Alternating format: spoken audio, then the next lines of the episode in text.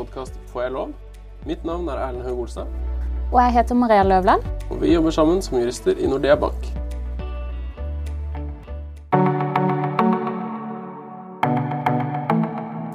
Aller først, Mariell, hjertelig velkommen tilbake til podkasten. Tusen takk, Erlend. Det er godt å være tilbake. Veldig fint å ha deg tilbake også. Denne episoden og de to neste vi slipper, er en prat mellom deg og vår kollega Kristin Kruse. Kan ikke du starte litt egentlig med å fortelle hva denne praten i denne episoden handler om? Ja, det har jo vært eh, kvinnedagen 8. mars, og i denne anledning hadde vi lyst å snakke om eh, rettslige temaer som eh, opptar kvinner. Og vår kollega har jo vært eh, skilsmisseadvokat før hun begynte her i Nordea, og gjort seg noen erfaringer der om hvordan eh, man kan komme litt sånn i ubalanse i forholdet, eh, sett. Det er jo selvfølgelig en situasjon både menn og kvinner kan komme i, og også hvis du er likekjønna par. Så det vi hadde lyst til å ta opp, er hva kan vi lære nå, og hvilke grep kan vi gjøre allerede nå for at man ikke skal havne i en dårlig økonomisk situasjon hvis det faktisk blir et brudd. Så i den første episoden da snakker vi om hvordan det kan oppstå ubalanse mellom to samboere. Og da legger vi spesielt vekt på hvilken situasjon kvinnen kan komme i. Så spennende. Da foreslår jeg at vi bare spiller av praten mellom deg og Kristin. ja. Ja, flott. Kristin, velkommen til podkasten. Tusen takk for det. Endelig har vi fått deg med. Det er jeg veldig glad for. Ja, det er, det er hyggelig å få lov til å være med endelig også. Ja. Eh, før du begynte i Nordea, så jobba du jo som skilsmisseadvokat i ti år. Da har du sikkert gjort deg en del erfaringer blant eh, dine klienter. Eh, men når det gjelder samboere, har du noen eksempler på hvilke situasjoner kvinner kan komme dårligere ut? Ja, for samboere, og spesielt kanskje for litt langvarige samboerskap, så er jo hovedproblemstillingen at man ikke har lagd seg en samboeravtale. Ja, Eh, det var det. det vil jo Det vi maser om hele Ja. det, det er som regel egentlig det største problemet, at Ja. man ikke har gjort det. Og Et sånn typisk eh, eksempel vil jo være der hvor eh, paret har vært, blitt sammen når de var yngre, og da kanskje mannen litt eldre enn henne, sånn at han har rukket å komme seg inn på eiendomsmarkedet. Mm. Kjøpt seg bolig mens hun ennå er eh, student, eh, og har jo ikke så mye å bidra med. Vi vet jo alle hvordan det var med Ja, det er ikke bare bare å være student. Nei. Sti- Stipend og en helgejobb det er liksom ikke nok til å være med inn i eiendomsmarkedet. Nei. Så eh, det at de ikke hadde en samboeravtale, og det at hun ikke eide noe når hun flytta inn, var i utgangspunktet uproblematisk da. Eller det problematiske, det, det oppstår jo over tid. Når hun da blir ferdig med å studere, og hun begynner å tjene mer, kanskje tjener da like mye som han, eller mer, Mm. Eh, Men hun betaler fremdeles ingenting inn på boligen, på boliglånet og de faste bokostnadene. Ja. Men de har da valgt å dele sin økonomi, sånn at hun betaler på en annen måte. Altså Hun betaler kanskje for mat, og det kan hende hun har kjøpt bilen de bruker. og ja. Dekker de løpende utgiftene, rett og slett. da. Ja, Mm. Det kan man egentlig godt si. Mm. Og så kanskje de får barn etter hvert òg. Det er jo en ganske stor kostnad. Ja, da blir det mange nye kostnader å ta seg av. Det er gjerne ikke investeringer på samme måte som bolig. Nei, det er det ikke. Um, og um, etter hvert, da uh, Si at det samlivet her da har vart i 15 år. uh, og de har funnet ut av at det var en helt grei løsning for de. At det var han som betalte bokostnaden, og hun betalte andre ting. Og det fungerte knirkefritt mens de bodde sammen, så det valgte de aldri å gjøre noe med. Og så blir det et brudd. Ja.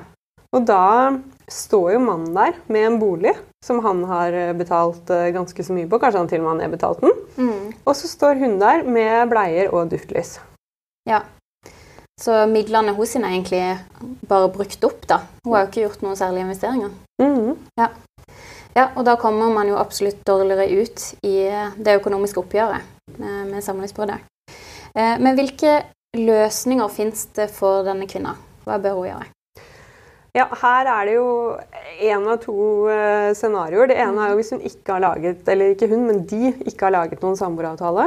Da, mm, da, står hun for så vidt ganske mye dårligere. Hun vil nok kunne ha et vederlagskrav eh, mot mannen. Og, og hun vil nok kanskje også kunne opparbeida seg et sameie.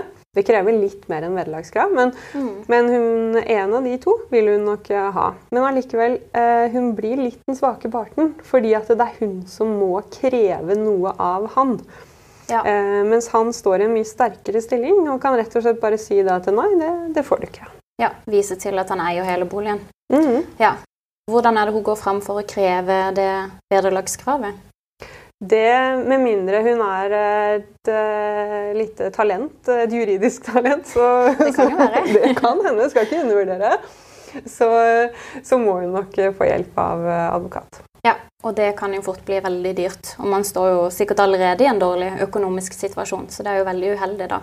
Mhm. Ja. Det, det kan det absolutt bli. Så det er jo for mange da eh, ønsker ikke å ta opp den kampen, og det blir jo en liten kamp. Eh, de velger da kanskje da å ta til takke med en litt dårligere avtale, eller en veldig dårlig avtale. Ja. Eh, rett og slett bare fordi at ikke de har eh, midler eller tid eller ork til å ta opp den kampen. Ja. Og det, også hvis det er barn involvert, så ønsker man jo sikkert også å senke konfliktnivået. Så det kan jo også være en grunn til at mange kvinner ikke velger å ta den kampen. Mm, det, det så jeg ofte. Det, det er jo veldig vanlig at Ja. kvinner velger å, velger å droppe den økonomiske kampen og heller konsentrerer seg om kampen om barna, som kan være minst like hard. Ja, det, det kan jeg være. Eh, ok, men eh, dette var det du sa uten samboeravtale. Men eh, hvilke løsninger er det med samboeravtale? Da eh, vil jo samboeravtalen sette litt mer standarden for, eh, for hvordan det oppgjøret her skal gjøres. Um, det er jo sånn at uh, Samboere så er det jo ikke noe, så veldig mange regler for hvordan de skal gjøre det. så Derfor så Mhm. kan man jo opprette en samboeravtale og bestemme selv hvordan skal vårt oppgjør være. Ja. Men hvis de lagde den samboeravtalen her rett etter at hun flytta inn, og så har de ikke rørt den på 15 år, så er det ikke sikkert at den hjelper så mye. Nei. Men har de derimot vært flinke og eh, sett på den innimellom, så kan det hende at hun har ganske så eh, greie rettigheter og avklart forhold til hvor mye hun eventuelt skal ta med seg ut fra huset eller fra, fra, fra andre ting. Ja, Og da har de jo skriftlig blitt enige om den løsninga, så det er jo det de skal følge eh, ved et samlivsbrudd. Det er det. Så eh, hvis du kan bare si oppsummert, eh, hva er det du anbefaler kvinner å gjøre i den situasjonen? Det jeg anbefaler eh, egentlig alle samboere, uavhengig av kvi- kvinner og menn. menn, eh, ja. eh, Men jeg vil anbefale alle samboere å lage en samboeravtale som du kan leve med ved et bittert brudd.